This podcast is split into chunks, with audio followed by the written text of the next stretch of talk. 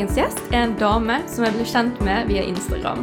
Hun driver med coaching, er åpen om utbrenthet, hun er mor, men mest av alt er hun en kvinne med gode verdier og som har mye bra å komme med.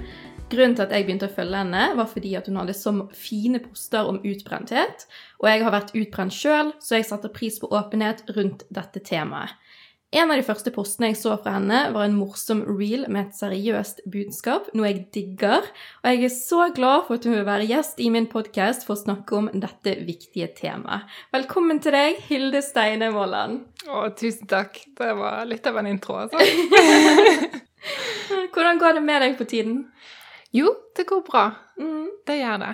Det er mye som skjer, og det er jo sånn eh, eh, Tida vi går inn i nå, er jo veldig spesiell, da Ja. med jula som kommer opp og den biten. Så ja, det går, går greit. Ja, så bra. ja, jeg sa jo til deg i sted, men du er jo faktisk min eh, første gjest som jeg ikke fysisk hadde møtt fra før av, eh, fordi mine tidligere gjester var jo familie. Mm. så dette syns jeg er litt ekstra spesielt, da. Ja. ja, det er veldig fint å få lov til å være her òg. Er Mm. min første podkast. Ja. Så så det er spesielt for oss begge. ja, Ja, men det er gøy. Mm. Før vi begynner å snakke om utbrenthet, så skal vi begynne med fem kjappe. Er du klar for det? Ja, OK. eh, nummer én. På en skala fra én til ti, hvor opptatt er du av psykisk helse? Åtte. Ja, Nice. Mm. Eh, hva synes du er enklest å ta vare på? Fysisk eller psykisk helse? Oi! Ja, den kom ikke så kjapt. det går fint. Eh, Faktisk, eh, enklest er vel eh, psykisk helse nå. Ja. Fantastisk. Mm. Snakker du åpent om psykisk helse med de rundt deg? Ja. Mm. Mm. Den var kjapp. Ja. Vil du si at du er mest styrt av logikk eller følelser? Følelser. Mm. Mm. Har du en hjertesak, eventuelt hva? Ja, jeg har en hjertesak, og det ligger på uh, flink pike. Mm. Mm. Det gjør det. Og, og, og det å kunne um, kommunisere innover da, med seg sjøl og finne ut hvor jeg hen i denne eh, fasen. Mm. Og, og det og da, at det, ved å jobbe med det, så kan en skape ringvirkninger gjennom hele samfunnet. Da. Det er ganske sånn stor visjonær eh, greie. Ja. Fantastisk. Mm. Det er jo noe jeg er veldig opptatt av sjøl, så det, det er veldig gøy å høre.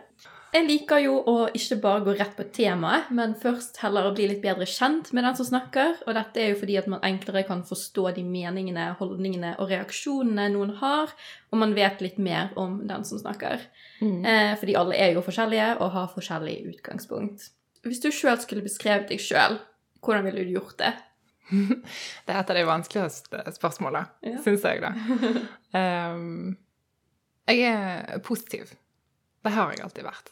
Eh, positivt innstilt, på godt og vondt. Jeg liker meg godt uh, aleine, Mm. egentlig. Og trives, trives veldig godt sammen med folk, men trenger å, å trekke meg tilbake igjen for å finne ro og finne liksom tilbake igjen til sentrene. Mm. Så har jeg eh, En av mine sterkeste verdier er det med likeverd. Respekt og likeverd. At, det, eh, at vi er like mye verdt, da. Og den, den har jeg med meg hele veien. At eh, Sånn som du sa der med å forstå hvor folk kommer ifra. For meg så henger det veldig mye sammen med å kunne sette seg sjøl i den andre sine sko uten å fysisk gjøre det. Og, og kunne bare vri hodet litt rundt. Mm. Det er vel noe av det som jeg har funnet ut gjør meg til meg. Ja. Mm. Men det syns jeg var et veldig fint svar. Takk. um, ville du beskrevet deg sjøl som en energisk eller rolig person? Ja, situasjonsbetenkt. Ja. Um. Egentlig en rolig, Mm. rolig person. Ja. Mm. Det kan jeg se for meg, hvis du setter pris på å være litt sånn aleine og ja. Mm. Ja. Kan være veldig energisk i møte med mennesker og ute Ja. og den biten, men liker godt å trekke meg tilbake. Ja. Ja. Eh, hvordan eh, var du som barn, egentlig? Var aktiv, Mm. var med på det som var. Kommer jo som en, eh, fra en liten plass. Det er 2500 innbyggere, jeg vet ikke om det er det lenger, i en kommune. Så, så, så skulle en ha litt sosialt liv, så måtte en jo være med på alt. så, så det var den biten. Jeg tror, for å være helt ærlig, så var jeg en av de eh, som òg eh, gjorde det jeg visste eh, skulle til for å bli likt, på et vis. Eller jeg gjorde iallfall alt jeg kunne for å bli oppfatta som Oi, det var vanskelig å sette ord på. Mm. Det var litt sikkert en sånn tenåringsgreie òg, det. Mm. Eh, spesielt. Som jeg tenker at flere kan kjenne seg igjen i, og det der å finne det terrenget. Eh, Mm. Når jeg ser tilbake nå, så var det denne biten der. Leite litt og, og prøve å ah, nå, nå Dette er helt ut. Ja, men så du, du, var ganske, du var opptatt av hva andre mente om deg, da? Ja, jeg var Ja. Ønsker å bli likt. Mm. Ja. Ja. Ja, men det kjenner mange seg igjen i, og det kan jeg òg kjenne meg igjen i. Så Mm. det, det er ikke noe rart med det, i hvert fall. Ja. Nei, men eh, ja. Likte hester, aktivitet, fotball, håndball. eh, Ja, synging, dans. Ja. Så gøy. Mm. Um, og så er det jo sånn, sånn som nevnte i introen, så er jo du, eh, du NLP-coach. Eh, ja, Har du lyst til å fortelle litt mer om det? Hva, hva er det for noe? Hva innebærer det? Ja, det er et veldig godt spørsmål, sånn som vi snakket om litt her i stad, om Ja. at um, en LLP-coach er en, en annen type coach. Der er en sertifiseringsgrad, altså det er en utdanning uh, bak det. Det går jo på å utvikle, og, altså å se og utvikle potensialet som ligger i uh, det mennesket en har framfor seg, da. Og, og ved å bruke innsikt ifra hvordan vi kommuniserer med oss sjøl via sansene, eh, hvordan vi kommuniserer med omverdenen, eh, hvordan ord f.eks. påvirker oss, og språket påvirker oss både internt og eksternt. Eh, hva, hva det vil si at noen er visuelle og bruker bilder når de tenker, f.eks., mens andre bare føler og kjenner. Vi, ja, det kommer litt tilbake til den der at vi har et ulikt ståsted og opplever verden eh, på forskjellige måter. Så NLP-coaching, det går djupt inn i det. Det står for nevrolingvistisk programmering. Det, det handler jo om at vi bruker sansene, sant? Da er det det nervesystemet som en møter, eh, møter verden med. Også lingvistisk, at vi har et språk som vi bruker internt og eksternt. Eh, og programmering, det går på dette med at vi lærer strategier og mønster gjennom livet helt ubevisst og automatisk. Og når vi blir de bevisst, så kan vi omprogrammere det. At vi kan gå inn og si nei, dette, dette var ikke nyttig for meg lenger. Jeg ønsker å gjøre noe annerledes. Jeg ønsker å bytte fokus. Jeg ønsker å Ja. Så um, der er veldig mye jeg kunne ha sagt rundt dette. men, men eh, ja, det er det som gjør det veldig spennende for meg. Da, at, det, at det er liksom mennesker og sansene i møte med, med verden og med oss sjøl, og at det går an å endre. Det som har vært før, det er ikke nødvendigvis trenger ikke bestemme hvor vi skal. Mm. Mm. Ja, men eh, jeg syns det er så interessant, og det høres ut som at, eh, at hele mennesket er i fokus. Man ser hele mennesket. Ja. Og det, det er jo kjempeviktig, for man er jo ikke bare man er jo ikke bare én del, man er jo ikke bare eh, hjernen eller bare hjertet eller Ja. Eh, Mm. Man må liksom se alt i sammenheng, da. Og det syns jeg er veldig fint. ja, det er noe av det jeg liker veldig godt med den type coaching. At det er utrolig helhetlig. Det tar for seg OK, jeg har lyst til å bli eh, en sanger, men for å bli det, hva andre ting trenger jeg å ha med meg i livet? Eh, At det, det hjelper ikke å, å bli en sanger og nå det målet hvis en har mista familien sin på veien. Så det er noe med, eh, med helheten, sant? Og, å vite at en eh, klarer å ivareta seg sjøl hele veien. Ja. ja, men det er Mm. kjempeviktig. Og det er en veldig viktig jobb du gjør, der, for dette er jo noe veldig mange eh, har bruk for. Ja, Mm. det, det tror jeg. Ja, Håper jeg. Mm. herlig. Men nå som vi skal begynne å snakke om utbrenthet, så kan det være greit å begynne med en forklaring på hva det er. De fleste har nok hørt ordet, men vet kanskje ikke helt hva det innebærer, hvis man ikke har kjent det på kroppen sjøl. Kan du gi en definisjon på dette? Utbrent er et sånt ord som du sier, som en kanskje har hørt, eh, og så har en ikke noen knagger å henge det på. Og det er veldig lett å, å tenke at å ja, da er en litt sliten.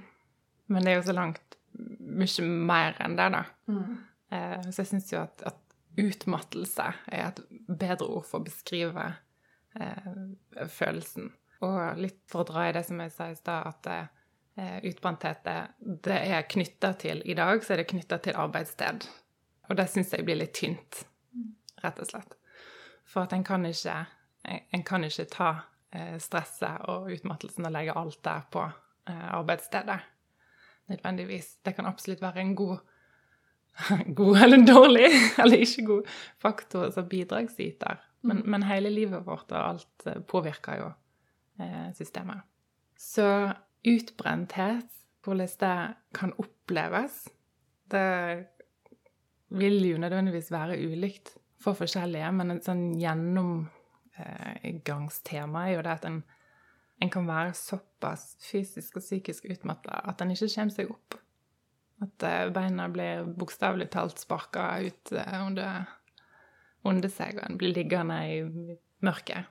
En kan bli veldig lyssky. Lys- og lydsky. Mm. Hjernetåke. Sånn ord som jeg ikke kjente meg igjen i, men når jeg fikk det beskrevet, så skjønte jeg jo, det har jeg. Eller det har jeg hatt. Mm. At tanken, Det virker som at tankene bare stopper. At det er ikke en reaksjon på normal måte, sånn som det var en gang. Eller sånn som det er vanligvis. Det er nett som at kroppen går litt i frys. For å, å si, sette foten ned og si 'nå nå får ikke du lov til å reagere engang på, mm. på det som blir sagt, eller det å tenke framover. Ja. Hvordan har du eh, opplevd eh, den delen? Eh, jeg kjenner meg igjen i, i, det du beskriver, og jeg, jeg syns det var et veldig godt poeng det her med, med at det ikke nødvendigvis må Altså at man ikke skal legge alt ansvaret på arbeidsplassen. fordi at jeg har jo vært utbrent to ganger sjøl. Og jeg, første gangen, da tror jeg at jeg var rundt 17. Jeg, men begge gangene jeg har vært utbrent, så har jo ikke det kun vært én faktor. Det har jo vært at det har vært så mange faktorer. Altså alle eh, Hva skal jeg si eh, Ikke livsdomener det kalles. Altså sånn Alle plattformene i livet mitt. Det, det har blitt en så nå, nå, er det jeg som slet med å forklare. Men det er liksom alle faktorene til sammen utgjorde en sum som ble for overveldende for meg. Mm. Eh, sånn at jeg eh, ja, ble, ble, rett og slett utmattet, da. Og jeg eh, kjente at eh, nå Ja, som du sier, kroppen bare sier stopp. Nå får ikke du lov mer. Eh, du, du, nødt, du bare nødt til å ta en pause, eller så går det skeis, liksom. Eller det gikk jo skeis fordi at man møtte veggen. Men eh, ja. Så det kjente meg veldig igjen i den, ja. Ja. Mm. Et sånn um, uttrykk som jeg syns er veldig beskrivende, det er der at uh, en er ikke utbrent fordi at er sant? Nå, må, nå kommer orda. Kanskje vi trenger mer kaffe? ja, jeg tror jeg tar en slurk med kaffe. Nå husker jeg ikke helt ordrett hvordan det går, men det er den der at utbrenthet handler ikke om å være svak, det handler om at du har vært for sterk for lenge. Ja, og den er så fin. Og den er så beskrivende. Mm. Og så tenker jeg, for noen som ikke har kjent dette på kroppen, eller det er helt fjernt for oss, er det sånn Å uh, ja, OK. Mm. Og så skjønner de ikke. Sånn. Mm. Men så er det noe med at um, sånn, Du har dine eh, grunner, sånn som du sier, det er flere livsområder som har spilt inn, og faktorer som har spilt inn. Det er ikke kun arbeidsplassen. Mm.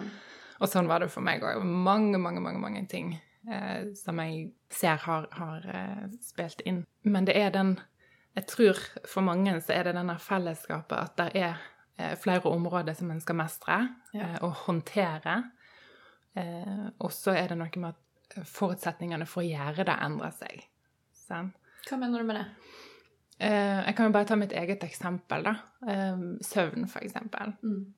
Før, for å si det sånn. I den perioden der jeg hadde mye energi, og der jeg da sammenligner meg sjøl med sant? Gjennom hele livet så har jeg alltid levert. Jeg har alltid mm. prestert. Jeg har hatt gode karakterer. Jeg har vært flink. Grådig flink. sant? Eh, og så har jeg bytta jobb, jeg har fått unger, jeg har opplevd eh, tap og sorg og disse tingene. Og så er det nett som at når jeg da skal tilbake igjen i, i, arbeidslivet, inn i ny jobb og inn i ny situasjon, så skal jeg være like flink, jeg skal være like høyt på alle områdene. Jeg skal ha like mye energi. Selv om jeg ikke har sovet, selv om jeg har nattamming, selv om kroppen er annerledes, selv om sant? Skjønner du? Alt det andre har forandra seg. Alle forutsetningene for å håndtere og levere har forandra seg, men min tanke om det har ikke det. Det har ikke sunket inn hos meg at em, jeg kan ikke være det mennesket, for jeg er ikke hun lenger. Jeg har ikke den energien. Jeg får ikke sove hele natta. Så, så det er noe med det at når forutsetningene forandrer seg i livet, så er det å, å være fleksibel, sant? Og, og justere seg sjøl òg. Så jeg tror det er den der når en da snakker om at en har vært for sterk for lenge, så, så flytter en seg vekk fra kontakten med seg sjøl fordi at det er så mange områder en skal levere på. Eh, og og sjøl om eh, Selv om en kanskje har justert litt på forventningen til at jeg klarer å levere perfekt. Jeg tror, ikke det er alle, jeg tror ikke det er så mange som tenker jeg skal levere 100% på alt, men kanskje de tenker ja, nå kan jeg levere eh, 80, mens en egentlig ikke har kapasitet til å levere mer enn 50. Og det, det er den. Altså, når en da pusher de grensene så lenge, så sier det til slutt bang, stopp. For en prøver å være sterk, en tar seg sammen. Og der òg kan du snakke om sånn hjertesak, det der å ta seg sammen. Ja. Det må, kan vi slutte med det? Vær så snill. Eh, ja, rett og slett. At en, en er såpass oppe på å jobbe på det behovet om å levere. At en ikke kjenner på behovet om eh, hva, hva kroppen faktisk trenger. da. Jeg skjønner, veldig godt hva du mener med det med, med å endre Altså med endrede forutsetninger. Og jeg, jeg kjenner meg så godt igjen i det sjøl. Altså jeg, eh, jeg sånn som jeg sa i sted, jeg ble jo først utbrent av rundt 17, og jeg, helt siden da så har jeg kjent at energinivået mitt har vært lavere enn det det var før jeg var utbrent. Og jeg har liksom alltid tenkt sånn Ja, men øh, jeg får vel snart den energien tilbake. Det, jeg, jeg skal bli sånn som jeg var før. sant? Og så, sånn som du sier, det er så mye annet som har skjedd i livet, og så har jeg liksom aldri klart å komme helt tilbake på det nivået igjen. Og jeg, jeg tror nok at det for mange kan kjennes som en slags sorg, fordi at man, som du sier, man sammenligner seg sjøl med sånn som man var, og man, man føler at man har mistet seg sjøl litt. Em, og det var i hvert fall det jeg følte på. og Til slutt så måtte jeg bare akseptere at ok, det er ikke det samme som før. Jeg må bare, jeg må bare finne ut av hvordan jeg skal tilpasse meg den nye situasjonen, på en måte, og akseptere det. Og, men det kan jo være vanskelig. Det er en prosess. Ja, absolutt. Det er en prosess. Og det med aksept, det er eh, det, det er et så merkelig fenomen, for det er nesten som en gir slipp på noe, sant? og så er det i orden. Men det er jo akkurat det samme som før. Ja. Og det er så fint å komme der, nå. Mm. Og gjøre den jobben og, den prosessen. Ja. Mm. Og jeg tror også at eh, Du har nevnt at du er flink pike flere ganger. Jeg òg er veldig flink pike, har vel alltid vært det. Eh, og jeg, eh, ser for meg at hvis man er flink pike eh, og har vært det, så ser jeg for meg at det er enda større sjanse for å bli utbrent. da. Fordi at man, sånn, altså man, skal, man skal prestere på alle områder, og man legger så mye press på seg sjøl, og da, da er det større sjanse for at man brenner seg sjøl ut. Mm. Ja. Jeg, jeg, jeg tror du har veldig rett i det. Mm. Jeg tror vi er mange som kan kjennes igjen i en del av den der flinkpike-stempelet, da. Mm. Og så og så har jeg jo lyst til å redefinere det.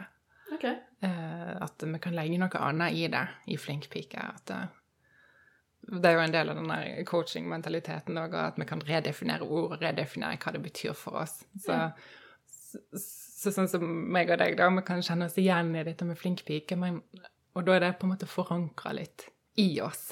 Jeg er flink pike. sant? Det er sånn identitetsgreie. Jeg er flink. Og så går det an å putte inn ok, hva betyr flink for meg? Hva vil jeg at flink skal bety fra nå av? Så slipper en liksom å, å endre kanskje forankringen, men gjerne betydningen. av Hva skal det være? Ja. Har du noe eksempel på hvordan, eh, hvordan du ville endret på ordet flink? Altså hva betyr det for deg, på en måte? Ja, flink for meg.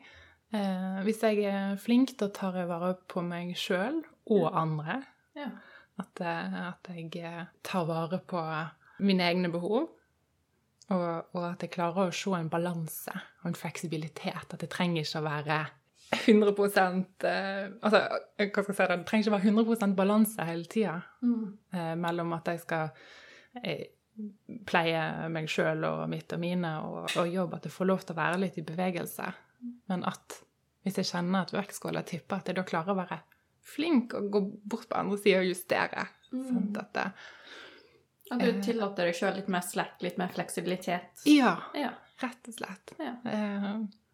Ja, å sette grenser, eksempel. Sette Ja. grenser for meg sjøl. Og det er så viktig. Ja, og andre. Da, at det, da kan være forbundet med å være flink, Ja. f.eks. Ja. Eh, nå var jeg flink.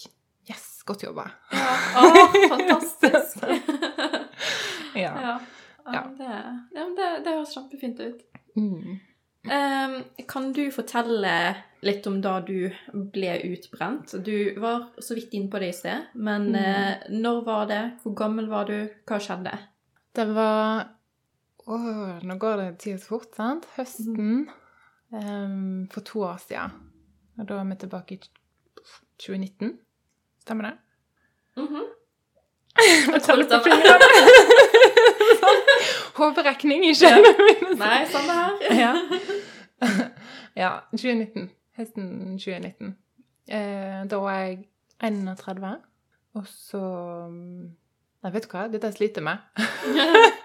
Nei, men det går helt fint. bare- Sånn cirka to år siden. Ja, det er ca. to år siden. Og sånn 32 minus 2, det blir 30. Det er så godt å høre at jeg ikke er den eneste. Vet du hva? Det er det aldersgreiene. Jeg blir spurt om det, så Ja. Nei, tja, ja, nei. Kanskje. Passerte kommer til- 25, og så Ja. glemte jeg det. Bare, Det er sant. Ja. Nei, ja, sant. 30, da. Ja. Si at jeg var 30. Ja, vi sier det. Uh, ja. Uh, og da Hva skal jeg si? Det kom snikende. Mm. Uh, og så sa det plutselig bare knekk. Det var, det var ikke noe sånn smell, eller Det var bare rett og slett Jeg husker jeg sto på kjøkkenet, jeg holdt meg Vi har sånn kjøkken der det er sånn kjøkkenbenker på begge sider. Sant? Jeg bare holdt meg der, og så var mannen min der for å hente ungene. Jeg visste at jeg hadde, nå har jeg liksom litt tid da, før han kommer tilbake igjen. Jeg bare holdt meg der, og så bare knakk jeg sammen. Beina bare svikta. Jeg bare begynte å grine, og så ser jeg så skikkelig sånn movie moment. Jeg bare ser opp mot himmelen og bare Nå skjer det. Altså, jeg opp i tak bare Endelig. Jeg husker faktisk at jeg tenkte endelig. Nå kan jeg sette meg ned. Jeg skjønte at det Jeg skjønte at det hadde gått så langt at jeg ikke kunne gå lenger. Ja. Og da fikk jeg på en måte en unnskyldning til å stoppe. Mm. Det, var, det var ganske absurd Ja. eh, å kjenne på det og erkjenne at det på en måte den der første reaksjonen var sånn Yes! Nå kan jeg stoppe. Ja. fordi at da hadde, var, det en, var det liksom en stemme i, bak i hodet ditt som hadde prøvd å fortelle deg det en stund, og så hadde du bare ignorert det? Eller altså, hvordan var dette her? Ja, jeg tror nok det var litt sånn Jeg merka at um, det gikk jo gradvis. Uh, og ble gradvis mer og mer. Uh, det som er litt snedig òg, og det tror jeg jo er en del av hele pakken, at jeg husker ikke helt i hva rekkefølge alt skjedde. Mm. Så jeg husker det øyeblikket, for da var det en sånn aha-greie. og Ja. opp mot det så var det mange ting. Jeg begynte å få eh, migrene, jeg sleit med å sove, jeg fikk sånn aura på øynene sånn at jeg ikke fikk se. Det var nett som noen sa sånn bare Gå og legg deg. sa jeg, bare, jeg tar synet ditt, du får ikke lov til, du får ikke lov til å gå noen vei. Bare Oi. gå og legg deg. Mm. Um, og jeg merka at jeg var stressa, merka at jeg ikke var meg sjøl. og det var korona, det var ny uh, jobb, da. Uh, og og um, små unger. Så det var en, en, en stor pakke. Og så var jeg så opptatt av å tenke at ja, men alle har det sånn. Mm. Alle andre klarer det jo. det er bare å fortsette. Det, det er sånn det er. Mm. Um, ja. Ta deg sammen, liksom. Ta deg sammen. Ja, sant. Ja. Så, så der igjen, altså arbeidsplassen min var utrolig raus. Det var sånn Nå er det familiens gjeld, ta vare på dine um, Ja. Og så var det Så gjorde jeg det, og var i lag med min familie og, og gjorde det jeg trengte der. Men så har jeg jo allikevel en sånn ærekjærhet og stolthet at jeg har lyst til å levere på jobb òg. Mm. Så det var Det var min indre eh, greie og belastning, da Mm. som ble for stor. Så istedenfor å, eh, å si at nå trenger jeg å gå ned i stilling eller gjøre noen tiltak da, for å eh, komme og få hodet over vannet, så, så bare stoppa det. Mm. Ja, det var eh, en ting som jeg eh, Det var jo en periode tidligere år at jeg gikk til en eh, Jeg, pleier å si psykolog, men det er egentlig en klinisk sosionom. Men det er enklere for meg å si psykolog. eh, og eh, hun fortalte meg at eh, jeg hadde en tendens til å stå i ting for lenge. Mm. Og da, da er det gjerne litt sånn som du sier det med at ja, mm, alle andre klarer det jo. Eh, nei, men jeg, jeg skal bare pushe på eh, litt mer, og så går det greit, sant? Em, og så eh, til slutt så bare går det ikke greit lenger. Um, så hun fikk meg til å innse at på et eller annet tidspunkt så må du slutte å tenke Eller så må du slutte å bare pushe på. Du er faktisk nødt til å gjøre noen endringer, sånn at du kan få det bedre. Altså Ja. at jeg, jeg bare kjenner igjen det du sier, og at det, det Jeg syns det var litt fint å høre det da, fra en fagperson, at eh, ja, at det er noen som bare står i det litt for lenge, og at det må man være bevisst på. Ja, og, og litt sånn tilbake til det som vi snakket om tidligere, sant? Da kommer vi Mm. litt tilbake til denne flink pike, Mm. eh, å stå og være for sterk for lenge. Ja. Det, det er liksom der eh, Jeg tror det er der det ligger, da. En ting som jeg har tenkt en del på òg, eh, som jeg ikke har lufta særlig mye før, eller snakka om, det er OK, hva skjer?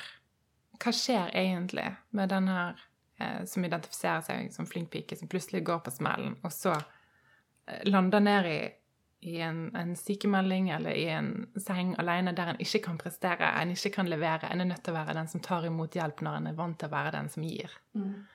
Det er en vanvittig omstilling. Og en av de tingene som jeg har lest flere ganger, det er at de som blir utbrent, det er de siste til å skjønne det sjøl. Mhm. Og, og det siste til å akseptere det. Det er liksom Nei, Jep. det, det er ikke meg. Det tar Mm. ganske lang tid å, å komme der, da. Ja.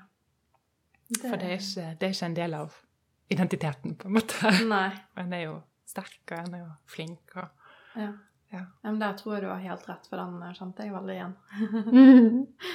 Og, og jeg, en ting jeg tenkte på i sted òg, som jeg eh, skulle si, var at eh, en ting som er veldig vanlig eh, med utbrenthet, er at man også blir deprimert. Altså de to henger veldig ofte sammen. De må ikke gjøre det, men de kan gjøre det. Og da kan det være vanskelig For noen, begge deler har gjerne noen av de samme symptomene, og det kan være vanskelig å skille dem fra hverandre, og vanskelig å tidfeste hva som skjedde når, på en måte. Og så blir alt bare en sånn stor mush. Yes. Eh, men men eh, ja, altså begge gangene jeg har vært deprimert Nei, begge gangene, begge gangene jeg har vært utbrent, så har jeg også vært deprimert. ja. Eh, har du kjent igjen det samme, eller har du kun vært utbrent? Jeg var nok eh, kun utbrent. Mm.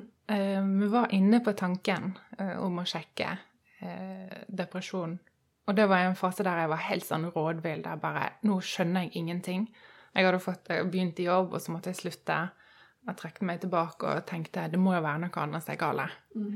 Hva, hva er dette? Jeg begynte å bli ganske sånn desperat eller frustrert. Altså helt sånn irrasjonell eller leite etter andre forklaringer. Mm. Det kunne ikke bare være dette. Å nei.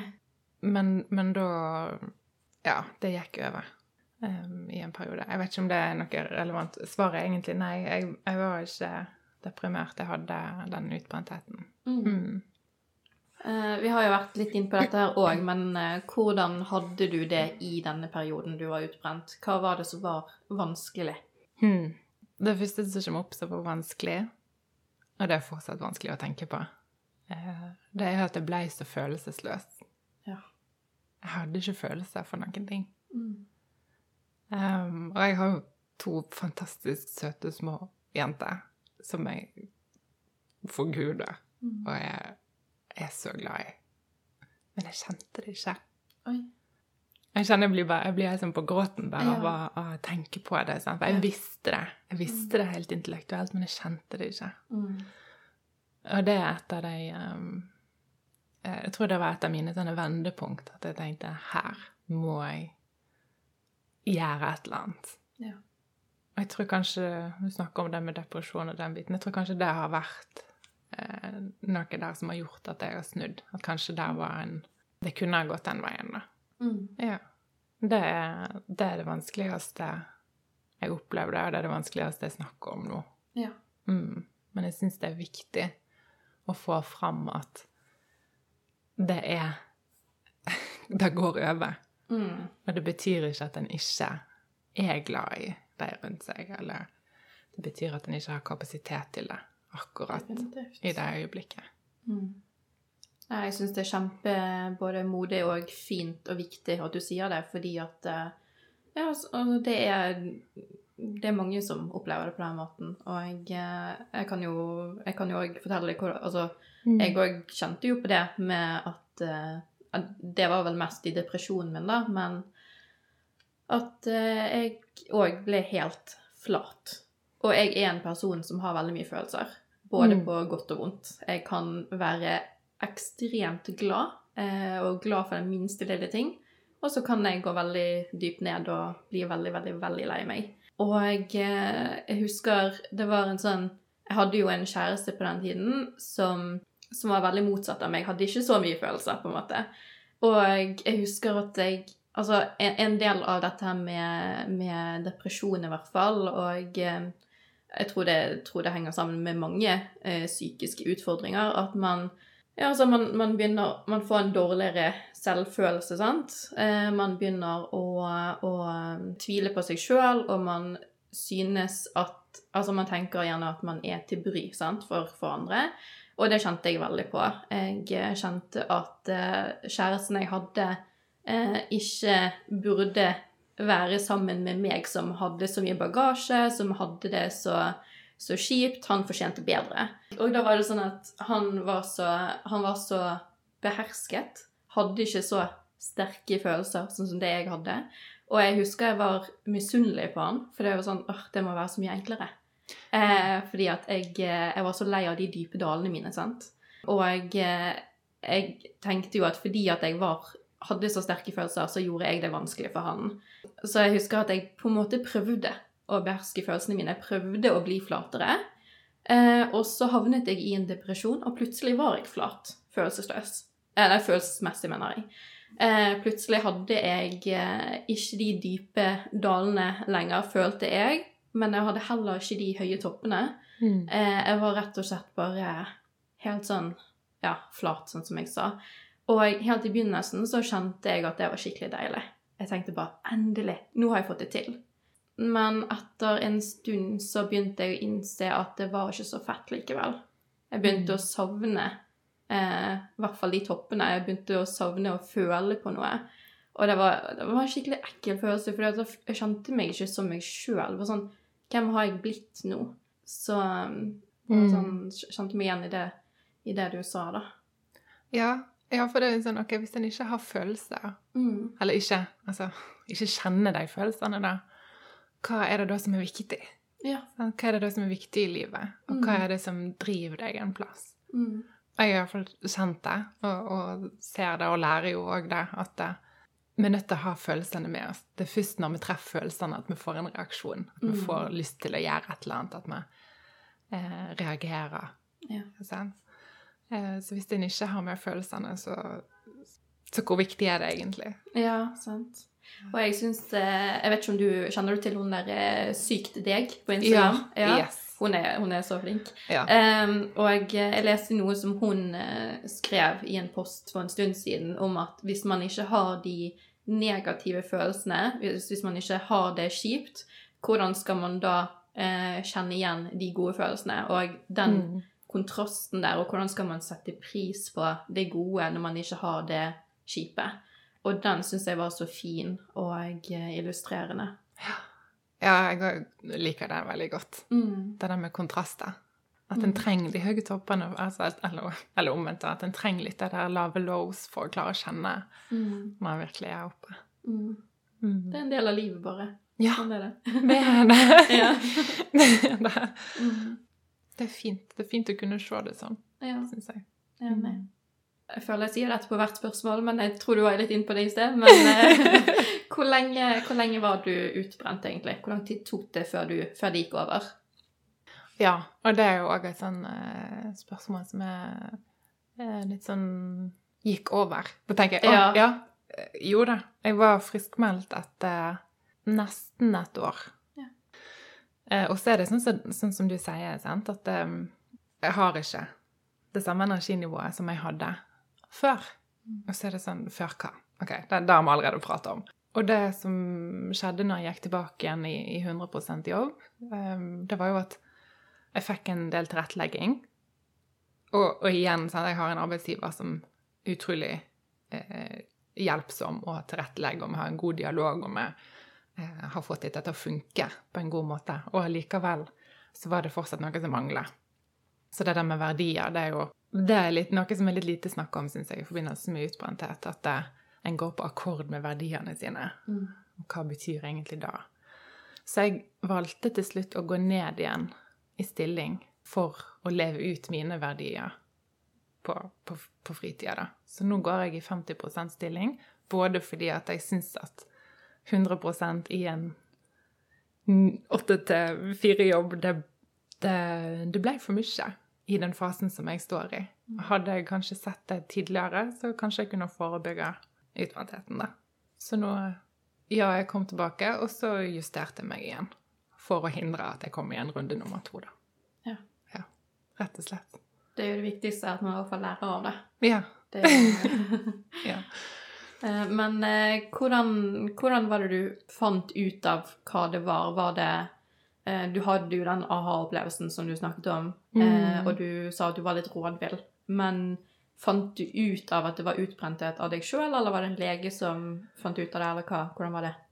Jeg begynte å google og søke litt. Og som, som, sikkert mange før meg, så fant jeg jo masse eh, på utbrenthet. Og så tenkte jeg dette kan jo minne om utbrenthet, men det er ikke det jeg har. Men mm. det kan jo ligne litt på det. Så jeg på en måte jeg visste det nok innerst inne, og så dytta jeg det vekk. Altså, nei, det er ikke, mm. det er ikke meg. Så jeg skjønte, det sank ikke inn før jeg så det på sykemeldingen, da, at hun hadde skrevet det. Ok. Ja. Mm. Var det sånn at uh, legen stilte deg masse spørsmål knyttet til det, eller? Jeg husker faktisk ikke så godt den prosessen. Jeg husker at um, Jeg husker at jeg grein. Mm. jeg tror det var det som var greia i starten, og før jeg klarte å pakke hodet rundt det, så var det det. Jeg klarer jeg klarer ikke å, å stå opp omtrent. Og jeg hadde jo alle disse her eh, symptomene, eller det at jeg, jeg fikk migrene med aura og den biten. Så, så det var eh, det var nok ganske åpenlyst for henne at jeg trengte å, å ha fri. Ja. ja. Mm. Eh, så uten at hun satte ord på det så mye, så, så snakker vi om det seinere, da. Men hvordan var familie og venner rundt deg i denne perioden? Det var veldig støttende. Ja. ja. Um, jeg tror ikke det var så mange som skjønte egentlig hva hvordan det er, da. Mm. Og det tok ganske lang tid. Uh, altså, En ting er jo hva en observerer og ser, sånn som mannen min hjemme. Han er kjempestøttende og utrolig god å ha rundt. Så bare åh, Jeg er så glad for at jeg har han, da. Mm. og samtidig så var det ikke før det var noen ganske det var nok like før jeg eh, ble friskmeldt at jeg sa åh, nå kjenner jeg at jeg har begynt å glede meg til helga igjen, og ikke bare til mandag. Ja. Fordi jeg kvidde meg til helgene, for da var det så mye som skjedde. Ja. Og da skjønte han. Det var en sånn aha-opplevelse han bare sånn Oi! Det var, altså, det var trist for han å oppleve, fordi at da skjønte han liksom hvor tungt det må ha vært rent ja. fysisk og psykisk. Og Nettopp. Ja, å være uh, i, i, det, da. I helgene. Mm det som skal være så fint, og det som egentlig er så fint. Ja, ja. ja for det, det, det, som du sier, det er veldig vanskelig å forstå hvordan det virkelig er hvis man ikke har opplevd det sjøl. Ja. Men det er altså sånn som vi snakket om i begynnelsen, det, det er et ord for mange. Mm. Eh, men hvordan er det virkelig? Og jeg òg hadde den der med eh, Det var ikke det å glede seg til helg for meg, men jeg òg hadde den der på en måte Det var en slags aha-opplevelse, det for meg òg, da. At eh, plutselig en dag ut av ingenting. Altså da, På den tiden så hadde jeg eh, bil og kjørte til skolen på videregående. Og, eh, og eh, det var Jeg husker så godt den dagen, så var det helt blå himmel. Og jeg hørte fuglekvitter. Og jeg, jeg, ikke, jeg, kunne ikke huske hvor lenge siden det var jeg la merke til blå himmel og fuglekvitter mm. og solskinn. Og første gang på lenge så bare satte jeg pris på det, og var glad. Eh, og jeg ble liksom rørt for at jeg i det hele tatt klarte å innse det, da. For da hadde jeg ikke kjent på sånne følelser på lenge. Ja. Og det var, det var spesielt. Ja. Jeg kjenner at det treffer meg midt i, i ja. brystet. Ja. det, det var mm, Jeg kan kjenne meg igjen i det. Mm. Hva er det som har hjulpet deg ut av det? Hvilke tiltak var det du gjorde? Oi ja. Sånn, sånn som du òg sier, jeg er sånn som har Jeg veit med meg sjøl, sånn intellektuelt, at jeg har det der følelsene. Jeg har de høye, og jeg syns det er sinnssykt godt å bare få grine. Ja. bare få det ut. Sånn så, jeg, så jeg skjønte jo at jeg hadde mista kontakten med meg sjøl fordi at jeg ikke gjorde det lenger. Mm. Så det første jeg begynte med, det var å oppsøke den kontakten. Eh, Finne en metode for å liksom komme i kontakt med meg sjøl igjen. Og for meg så var det Så har jeg eh, pust og tilstedeværelse. Og, eh, og hun som driver her i Bergen, Kine Solend på Just Breathe, hun har vært en sånn eh, si, hun, Ok, jeg kan ikke gå inn på det. Hun betyr mye for meg, da, Ok. eh, i den settingen. For hun har vist meg hvor, hvordan det kan hjelpe. Eh, Ja, så For det er egne pusteøvelser? Ja. Ja. ja. Og så Så jeg tok et kurs med henne. Rett og slett en self-care-kurs. Så da kom jeg i kontakt med meg sjøl, og da klarte jeg å, eh, å begynne å, å bli mer ærlig på hva jeg trenger å, å, um, å ta tak i. da. Og det kan være en litt sånn brutal eh, prosess. Mm. Så er det noe med å gå inn der og, og, og gjøre det og kjenne at ok, det jeg gjør nå, det gjør jeg for å styrke meg sjøl. Mm. Eh, og det er ingenting som kan gjøre det verre enn det er, egentlig. Eh, så det, det var det første jeg gjorde. Det var liksom å, å melde meg på der i et sånn der Yes, nå gjør jeg det. Eh, og kom i kontakt med meg sjøl. Jeg gikk til karriereveileder eh, og fikk en grundig gjennomgang av, av hva jeg ville av mine verdier i forhold til jobb og eh, den biten. Jeg, eh, etter hvert så klarte jeg å ta imot et tilbud om gruppeterapi. Eh, det var legen min som tipsa meg, for da var det en kombinasjon Eller den gruppeterapien som jeg var i, det var grunnlagt på Eller av en som eh, det var En eller to, det husker jeg ikke helt, skal ikke si. Som hadde NLP-coach-bakgrunn, kombinert i lag med psykologi. Så da klarte jeg å ta imot det. Men det har også satt langt inne. For da måtte jeg på en måte innrømme at jeg trengte hjelp. Ja. For mer enn hva jeg klarte sjøl. Så jeg kom til et punkt der jeg tenkte vet du hva, det, jeg må bare si ja takk til alt som Ja. jeg kan få. Og det var kjempefint, altså. Ja. Så det gjorde jeg, og så tok jeg det NLP. Begynte på første trinn på NLP-coaching. Fikk det avklart at jeg fikk lov til å gjøre det. Og så gjorde jeg det. Og det, den, om det var den kombinasjonen, eller Det var iallfall de skrittene jeg tok, og jobba, jobba det sånn både fysisk sånn med, med tilstedeværelse og pust og meditasjon og yoga, og tanker, Mm. forventninger, ord. Det, det mentale. Ja. For så å justere meg inn, sånn at det, ja, jeg kunne prioritere meg sjøl litt. da. Mm. Ja, men jeg syns det er så fint at du nevner alt det, fordi at ja, det, det ene er jo at uh, det er jo ikke bare én quick fix. Det går ikke an å bare gjøre én ting, altså vips, så er ikke du utbrent lenger. Det er på en måte Det er så mange ting som eh, ja, som må ses i sammenheng. Og eh, det er òg så fint at du, du gjorde alt det fordi at det viser på en måte hvor proaktiv du var, hvor, hvor mye du ville eh, komme deg ut av det, da. Så det er kjempefint. Og jeg kan skjønne at det var litt brutalt å gå gjennom det der, for det høres ut som at du tidligere har levd litt i fornektelse for eh, hva, hva du sto midt oppi. Og da er det vanskelig liksom å innrømme på seg sjøl at OK, jeg er faktisk i dette her nå. Eh, jeg, må, jeg må face it head on, liksom. Em, og det, det er vanskelig. Ja, eh, og så sånn, Vi var litt sånn inne på den der når en, når en har blitt utbrent, og så blir alene inni hodet sitt, så er det, det er det der det foregår. Ja. Du, du, noe, du kan ikke rømme noen plass. Iallfall for meg så var det et sånt punkt der at det, eh, jeg, jeg orker ikke høre på lydbok, jeg orker ikke se på TV. Altså, det var bare være alene, og da er det hodet. sant? Så det handler det så utrolig mye om, om eh, hva en sier til seg sjøl. Og, da begynte jeg å oppdage, for jeg trodde at jeg hadde bare positivt selvsnakk, litt sånn i fornektelse, så du sier. sant? At nei, du snakker ikke dritt om meg sjøl, liksom. Nei. Men da kom det sånn her Du skulle jo eh, klare ditt og datt, eller dette burde du. sant? Og kommer alt det her burde, Ja, eh, burde kunne og Nå mister jeg poenget mitt igjen. Men eh, Ja, fordi det er, jo, det er jo en form for negativt selvsnakk, Mm. det òg. At eh, du, du setter så høye forventninger til deg sjøl som du vet at du ikke klarer å innfri på det, på det tidspunktet. Og det, Mm. det skaper jo det skaper jo en eh, på en måte en avstand til deg sjøl. Jo, nå kom på det. Altså, det er den der Du burde ha sett det. Du burde Ja. ha skjønt det før. Mm. Altså, du burde ha stoppa. Ja. Du som har jobba så mye med eh, yoga, sjølinnsikt og pusterefleksjon, du burde ha skjønt det. Liksom. Ja. At det ble en sånn omvendt rakking og sjølpisking, Ja. Altså, Mhm. Først var det sånn 'Herregud, du burde klare mer. Du skulle gjort sånn, du skulle gjort sånn.' Og så var det tilbake igjen. Når vi blir satt tilbake inn i eget hode, og så kommer denne 'Åh, du skulle ha sett det før'. Mm. Dette er jo helt åpenlyst. Mm. så ja.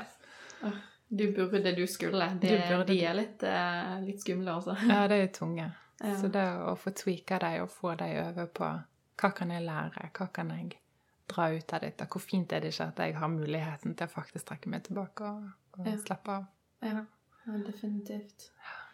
Og eh, det her med Ja, du burde ha sett det, du, du skulle ha skjønt det og sånt. Eh, selv om man har vært utbrent én gang, så betyr det ikke at man nødvendigvis ser det før det skjer en, en andre gang eller tredje gang, fordi eh, altså Gang nummer to jeg var utbrent, den var helt annerledes enn gang nummer én.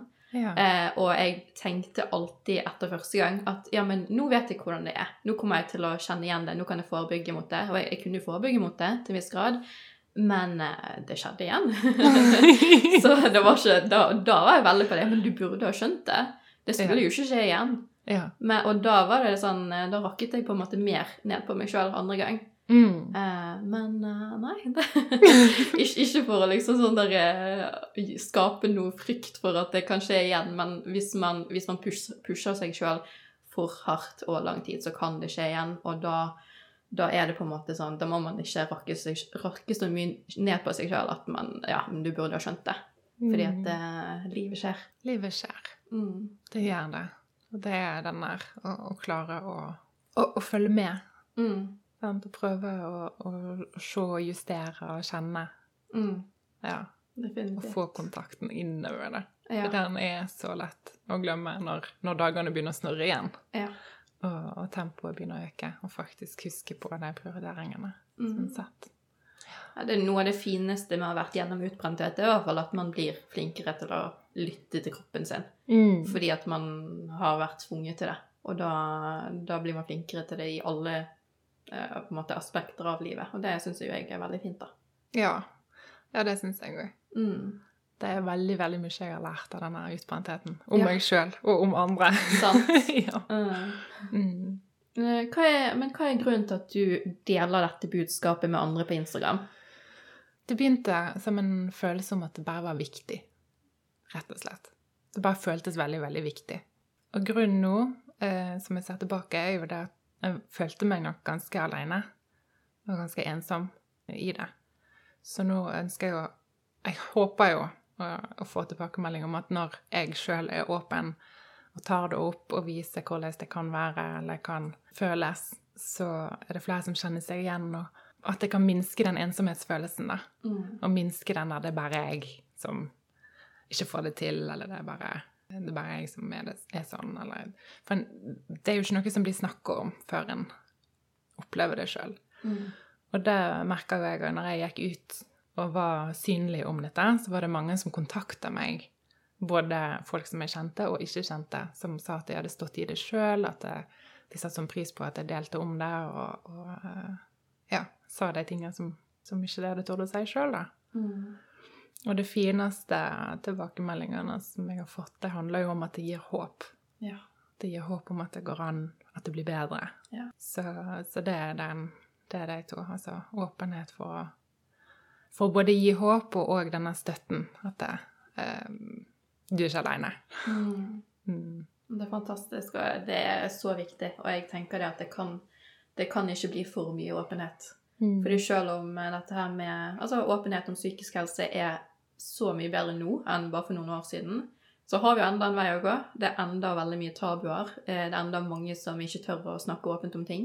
Mm. Eh, og, eh, og ja, spesielt på arbeidsplassen. Altså man mm, Gud forby om man er utbrent når man Altså om man har vært utbrent når man jobber, sant? for da, da er man redd for at andre dømmer deg og tenker at du er svak. sant? Ja. Eh, men som vi sa i sted, man er ikke svak, man har bare vært sterk for lenge. Så det er superviktig å være åpen om dette, for det er så utrolig mange som går gjennom det samme, og det er veldig viktig å kjenne at man ikke er alene, og, og at man eh, faktisk kan komme seg gjennom det. Det kan man. Ja, Mm. absolutt. Ja, det kjenner jeg òg er sånn hjerte, hjertesak. At det, Mm. vi må få dette inn sant, i bedrifter, at det blir noe vi snakker om, at det blir Ja. noe som er naturlig, at vi tar vare på hverandre. og Mm. Og ser at vi faktisk kan se hverandre litt mer og merke OK, nå Diana pleier å være sprudlende og åpen når hun kommer. og Nå har hun hatt flere dager og uker der hun ikke har vært helt seg sjøl. At det går faktisk an å, å si det. Du, jeg ser at du ikke helt har samme piffen. Ja. Er det noe som står på? Altså bare å være Ja. litt sånn hyggelig, da. Definitivt. Det er mange som er hyggelige, og det er mange som skjuler det godt. Ja. ja. del. og så er det det å senke terskelen for å bare snakke om det. Definitivt. Og en annen ting som er så fint med dette med åpenhet, er at når man først er åpen sjøl, så er det så mye enklere for andre å være åpen. Ja. Og det har jeg merket sjøl når når jeg har Altså, nå har jo jeg nesten ikke filter. Nå forteller jeg alt, sant. Eh, Men når jeg sjøl har tørt, turt å gjøre det, så har de andre eh, nært meg også turt det. Folk som aldri har sagt noe sånt til meg tidligere. Altså det, det er både nære venner og tidligere kollegaer og altså bare alle mulige slags folk. Og det, vi får liksom et et eh, tettere bånd, og jeg eh, får så mange fine samt, samtaler ut av det. Og jeg ser det òg med noen av kolleg kollegaene mine nå, at uh, altså, noen av de er jeg blitt ganske god venn med på arbeidsplassen. Og vi, vi snakker åpent om Altså, de vet hvor mye jeg brenner for psykisk helse, de vet om Instagrammen min og podkasten min og alt det der. Eh, og eh, Altså, spesielt hun ene, hun er så fin og virkelig ser deg som menneske. Eh, fordi at Ja, hun, hun har hatt et liv sjøl, for å si det sånn. Og, hun òg merket at jeg, er ganske sprudlende på jobb. Veldig sånn blid og glad og opptatt av å ha en god energi. Fordi jeg vet hvor mye det kan påvirke både andre og meg sjøl. og det var en gang vi var på en sånn, sånn et sosialt arrangement da, der jeg følte meg litt- utilpass. Det var veldig høy musikk, veldig mye bråk, og jeg kjente ikke så mange. Så jeg trakk meg litt tilbake. Jeg var litt sånn Ikke, ikke den samme sprudlende Diana. Mm. Eh, og eh, hun spurte meg dagen etter du, hvordan var det egentlig for deg på det arrangementet i går. Eh, jeg så at du, du trakk deg litt tilbake. Og jeg, eh, da snakket vi om det, og jeg bare Gud, så deilig. Å ha noen som virkelig ser deg. Og, eh, og ene gangen jeg bare jeg var så frustrert over et prosjekt på jobb, og, og jeg, eh, Hva heter det? Når man puster tungt, sant? Mm. Jeg gjorde det ganske mye. Jeg var, jeg var så frustrert. Og hun kom bort til meg litt seinere og bare Du, hvordan går det egentlig med deg? Jeg hører, hører den tunge pustingen. Sukking. Ja. Og det gikk, det gikk jo fint. Det var jo ikke noe stort og alvorlig. Men det var bare sånn Å, herregud. Altså, folk, folk som gjør det der, det er, det er så fantastisk. Ja, det er det. Jeg bare sitter og tenker Mm. sånn Wow! Så herlig å ha Ja. en sånn god kollega, da. Ja, definitivt. Og det, det inspirerer meg til å gjøre det mot andre, og det, det tenker jeg eh, flere kan ta med seg òg. Og virkelig se andre. Ja, Mm. absolutt. Være litt nysgjerrig. Ja, nettopp. Mm. For det er ikke farlig. Nei. Altså, det, oftest, altså vi nordmenn er veldig sånn at eh, ja, man skal, man skal ikke stille sånne direkte spørsmål. Man skal holde litt avstand fordi at man er redd for å tråkke på noen tær, sant? Og man er Mm. redd for eventuelle responser. Men det er faktisk ikke farlig å stille spørsmål. Altså, det verste som kan skje, er at man får ja, du, det vil ikke jeg snakke om Ja. på en måte. Eh, men man kan få så mye igjen for det ved å spørre og å se hverandre. Mm. Og selv om man ikke nødvendigvis får et svar, så vil det Mm. være veldig verdifullt å bli sett. Ja, definitivt. Så selv om man ikke er klar til å dele, så går det an, altså, så kan en fortsatt ta med seg den følelsen at oi, wow, guri malla, Mm. den personen bryr seg. Mm. Mm. Det kan gjøre, altså det kan forandre, forandre hele dagen til den personen. Mm. Og det kan også gjøre at uh, man tenker ok, neste gang kanskje kan jeg svare den personen på et sånt spørsmål. At det, Mm. det, det ja, langt, gradvis blir enklere, da. Ja. Men eh, hva gjør du for å ta vare på deg sjøl nå, og for å eventuelt for, forebygge mot å bli utbrent igjen? Ja. Det er, det er ganske mye det samme som jeg gjorde da jeg var utbrent. Eh, bare at nå har jeg litt mindre tid til å gjøre det. men, eh, men det er det å, å, sørge for at jeg får litt alenetid. For meg Mm. så er det viktig at jeg får noe alenetid der jeg faktisk kobler inn. Og det er Før jeg nå gikk ned i stilling, så kjente jeg faktisk på den at, at jeg har en sånn forsvarsmekanisme som gjør at, at jeg fortrenger følelsene og den biten når jeg føler at jeg ikke har noen vilje til å gjøre noe annet. Mm. Eh, og da kan jeg sette meg ned alene og se på Netflix, for eksempel, eller høre på lydbok. Bare sørge for at jeg har en input. For da trenger ikke jeg å tenke eller sånn sjøl. Mm. Eh, så det jeg sørger for å gjøre nå, da, for å motvirke det, er å sette meg ned alene og ha det stille. Ja. Sånn at jeg faktisk er nødt til å treffe meg sjøl. Ikke, ikke få andre sin stimuli hele tida. Så det er den ene tingen. Og så det, har jeg tatt inn mer Jeg har blitt veldig klar over hva som er viktig for meg i livet. Eh, så jeg prioriterer etter det. Mm. Og det har hjulpet meg veldig mye. Sånn at nå hvis jeg ikke kan levere sånn som jeg har tenkt på jobb, eller ser at nå får ikke jeg tid, og tidligere ville begynt å stresse, så har det den jobbinga med forventninger til meg sjøl har gjort at jeg kan legge det vekk, fordi at jeg vet at det er viktigere for meg å være til stede med ungene mine og eh, sove godt enn det er å fortsette å jobbe med dette akkurat nå. Ja.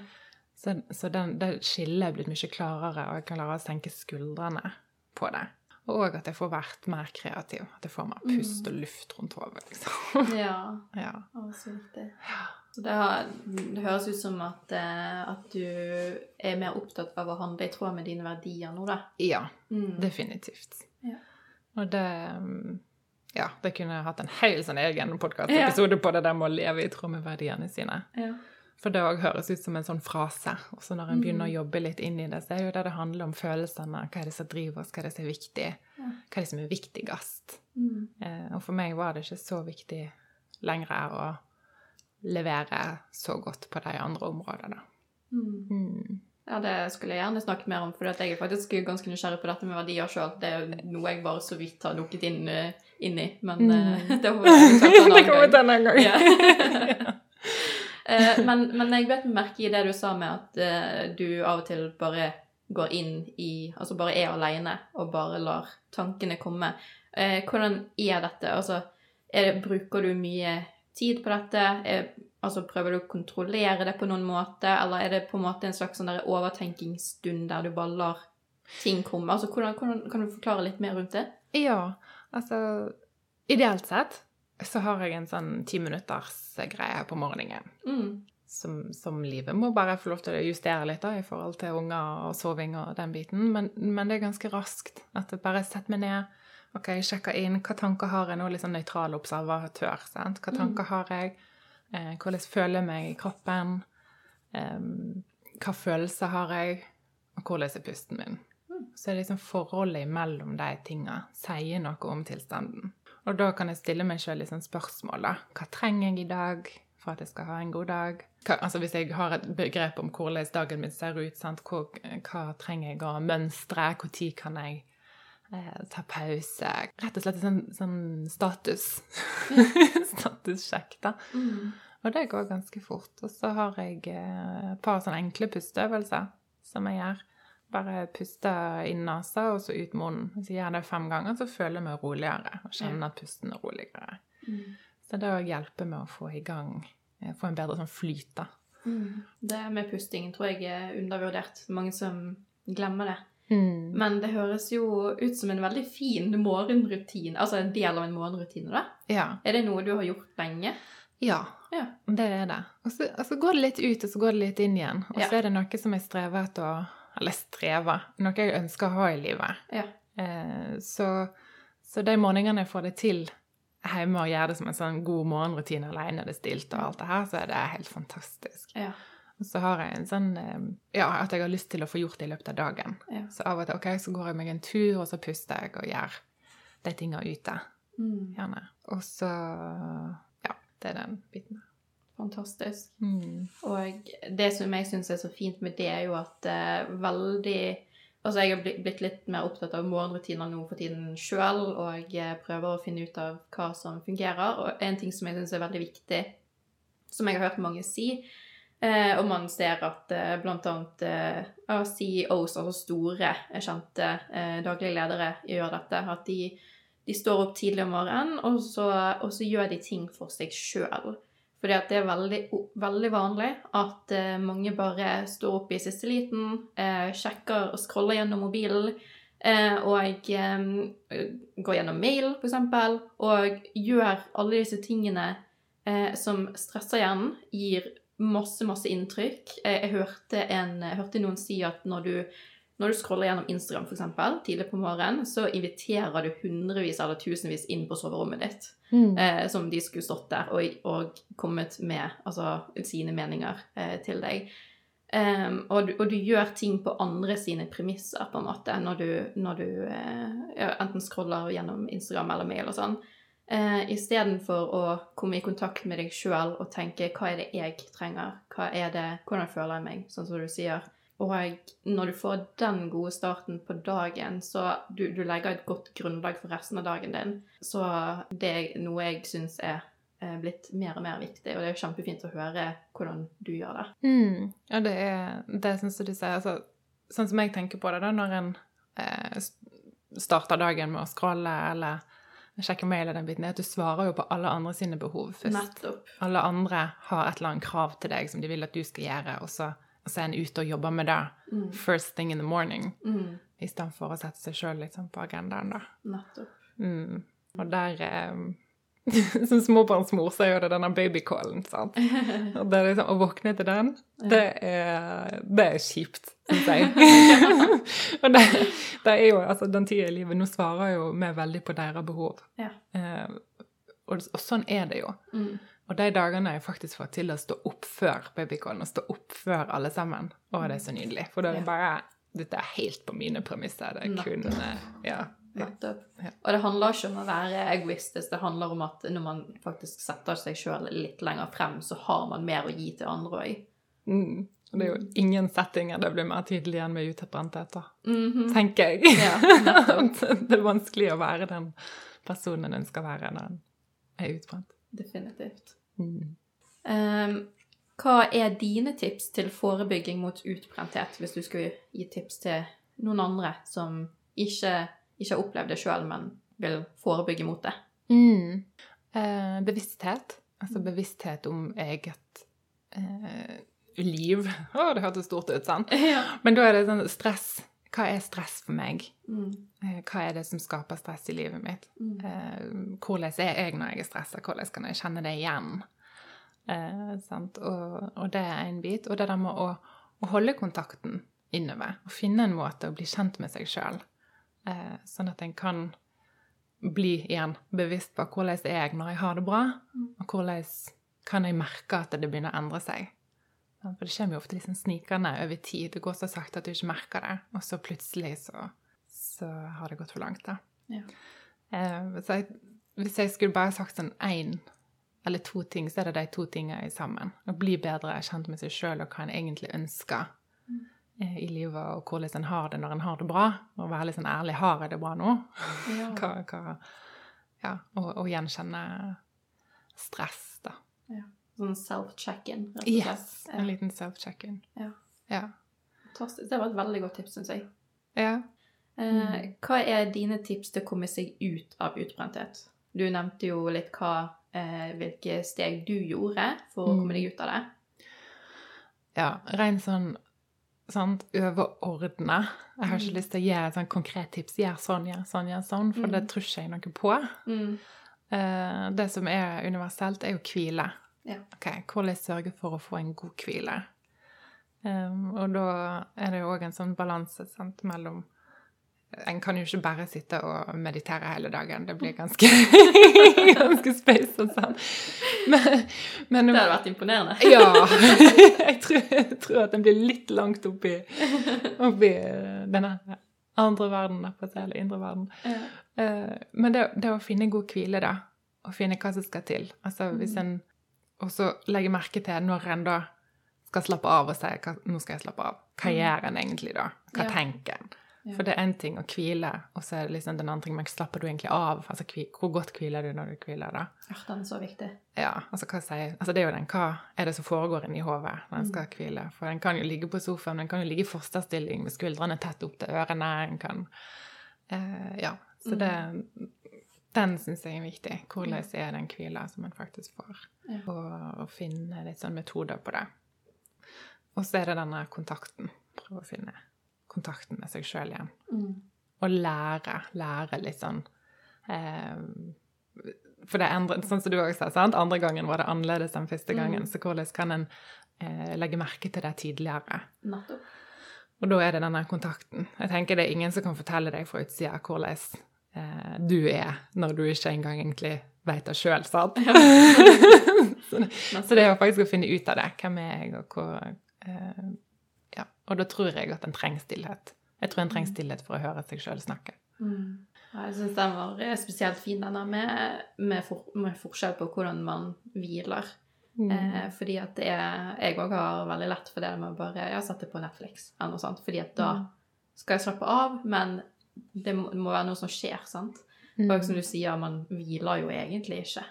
Og jeg kjenner jo noen ganger når jeg er det som kalles overstimulert Det eneste som funker for meg da, er å legge meg ned i sengen, ha det helt mørkt rundt meg, ha mobilen langt vekke, og bare gjøre ingenting annet Mm. enn å bare ha det stille og hvile. Mm. Og det er stor forskjell på det og å se på Netflix, for å si det sånn. ja. ja, det er det. Og så er det sånn, Jeg har ikke lyst til å svartmale Netflix heller, fordi det er så godt å ha den støtten. selv. Altså, Ja, ja. Og liksom å, å kose seg og sette seg ned og se et eller annet på Netflix. Helt nydelig. Og, og, og det der med um, Og det tok jeg meg sjøl i. Jeg så på, kunne sitte og se Netflix, og så uh, satt jeg og så på en serie som egentlig ga meg en ganske dårlig følelse. Oi. Altså, Jeg syntes at den var veldig interessant, og at den var bra, men jeg følte meg lei meg eller trist, eller eh, at det var kanskje noe voldelig, eller det var liksom sånn Og bare Nei! Det var, det var ikke greit. sant? Så, Mm. så det en, fakt, det en ser på, det skaper følelser òg. Ja. Så OK, om uh, koselige romantiske komedier med dårlig plott eh, får deg til å føle deg bra, hvorfor ikke? ja. Nettopp. Det, det er jo noe med å liksom velge litt sånn stimuli, og hva, hva setting Eller hva, hva følelse ønsker du å få når du setter deg ned for å se på Netflix? da? Ja, ja, Og noen ganger så er det jo godt å komme i kontakt med, med gråten, for da kommer du iallfall i kontakt med, med noe. At Ja. liksom kan få det som en hjelp og støtte til å komme i kontakt med følelser. Mm. Eh, men òg med glede, da. Mm. Så, så det der. Sant? Finne sin egen balanse, og, Ja. og hva er en strategi for å unngå, og hva er en strategi for å få opp humøret, eller få opp en god følelse, eller Mm. Ja. Nettopp. Mm. Det, da kommer man tilbake til det med, med å kjenne ja, kjenne etter kjenne seg sjøl. Og eh, ja, altså det som fungerer én gang, trenger ikke være det samme som fungerer neste gang. Eh, man har jo forskjellige sinnstilstander gjennom både dagen og uken og, og, og sånt, så noen ganger så kan det fungere å bare på en måte flykte litt fra det. Eh, hvis man er lei seg bare for, for eh, noen øyeblikker. Mm. det var rart sagt. Ja. Men ja, og det, det kan bety liksom å lage, lage seg litt god mat, eller gå seg en tur, eller noe sånt. Og noen ganger så er det riktig å bare være, være stille og gjøre ingenting. Ja. Så det må man på en måte bare finne ut av eh, underveis. Ja, absolutt. Ja. Og det Ja, sant. Hvile.